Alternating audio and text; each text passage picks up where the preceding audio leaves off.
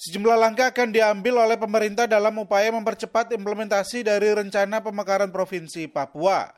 Menteri Koordinator Bidang Politik, Hukum, dan Keamanan Mahfud MD mengatakan, pemerintah kini tengah menyiapkan payung hukum untuk teknis pelaksanaan pemekaran Provinsi Papua menjadi tiga wilayah baru yaitu Papua Selatan, Papua Pegunungan, dan Papua Tengah. Apakah itu bentuknya hukum, apa, perpu, atau apa gitu, atau perpres, atau PP, atau apa gitu nanti eh, kita sedang diskusikan dan dalam waktu yang tidak terlalu lama. Ia menambahkan payung hukum tersebut nantinya akan diusulkan oleh pihak Kementerian Dalam Negeri. Sejumlah aturan teknis yang akan dibahas dalam aturan tersebut yaitu mencakup aturan pengisian pejabat dan anggota legislatif di ketiga provinsi baru itu. Menanggapi hal tersebut, Direktur Eksekutif Amnesty Internasional Indonesia, Usman Hamid mengatakan, Rencana pembuatan payung hukum teknis pelaksanaan pemekaran provinsi mereduksi substansi persoalan.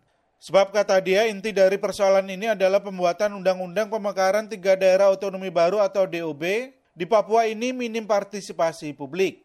DPR dan pemerintah terkesan terburu-buru mengesahkan undang-undang ini meskipun terdapat penolakan dari berbagai pihak di Papua. Apakah DOB itu memang diperlukan? Apakah ada kajian yang memperlihatkan perlunya DOB tersebut? Ia mengingatkan pemekaran wilayah di Papua semestinya dilakukan sesuai dengan Undang-Undang Nomor 2 Tahun 2021 tentang otonomi khusus bagi Provinsi Papua. Salah satunya yaitu pemekaran provinsi harus memperhatikan kesatuan sosial budaya dan kesiapan sumber daya manusia. Karena itu Usman sependapat dengan usulan Gubernur Papua Lukas NMB yang mengusulkan pemekaran provinsi disesuaikan dengan tujuh wilayah adat jika pemekaran sudah tidak dapat ditangguhkan lagi. Selain Amnesty Internasional, penolakan terhadap pemekaran tiga provinsi baru di Papua disampaikan Ketua Majelis Rakyat Papua atau MRP Timotius Murib dan pegiat kemanusiaan dari Gereja Kristen Injil atau GKI Tanah Papua Pendeta Dora Balubun.